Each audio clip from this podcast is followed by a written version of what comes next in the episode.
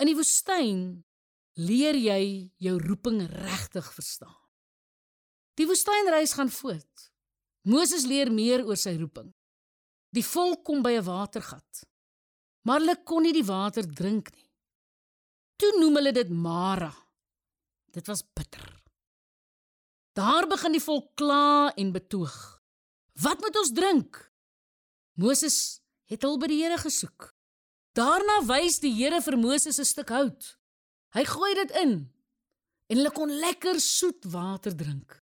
sien jy? God het soms net 'n een eenvoudige stok nodig.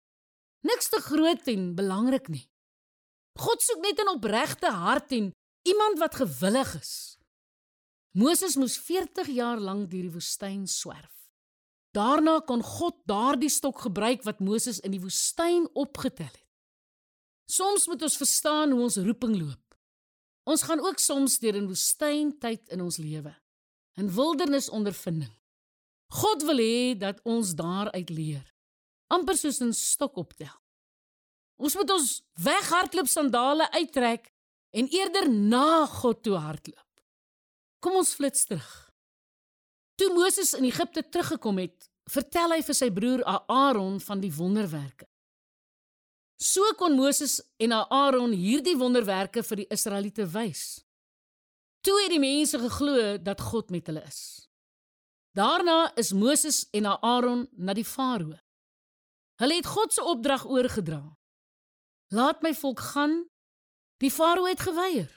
Hy was kwaad omdat die mense tyd by die werk wou afkry om te aanbid. Daarom het hy hulle gedwing om selfs harder te werk. En Moses en Aaron is daarna weer na Farao. Hierdie keer het hulle wonderwerke gedoen. Aaron het sy stok neergegooi en dit het 'n groot slang geword. Maar die Farao roep sy goelaars en hulle stokke word ook slange.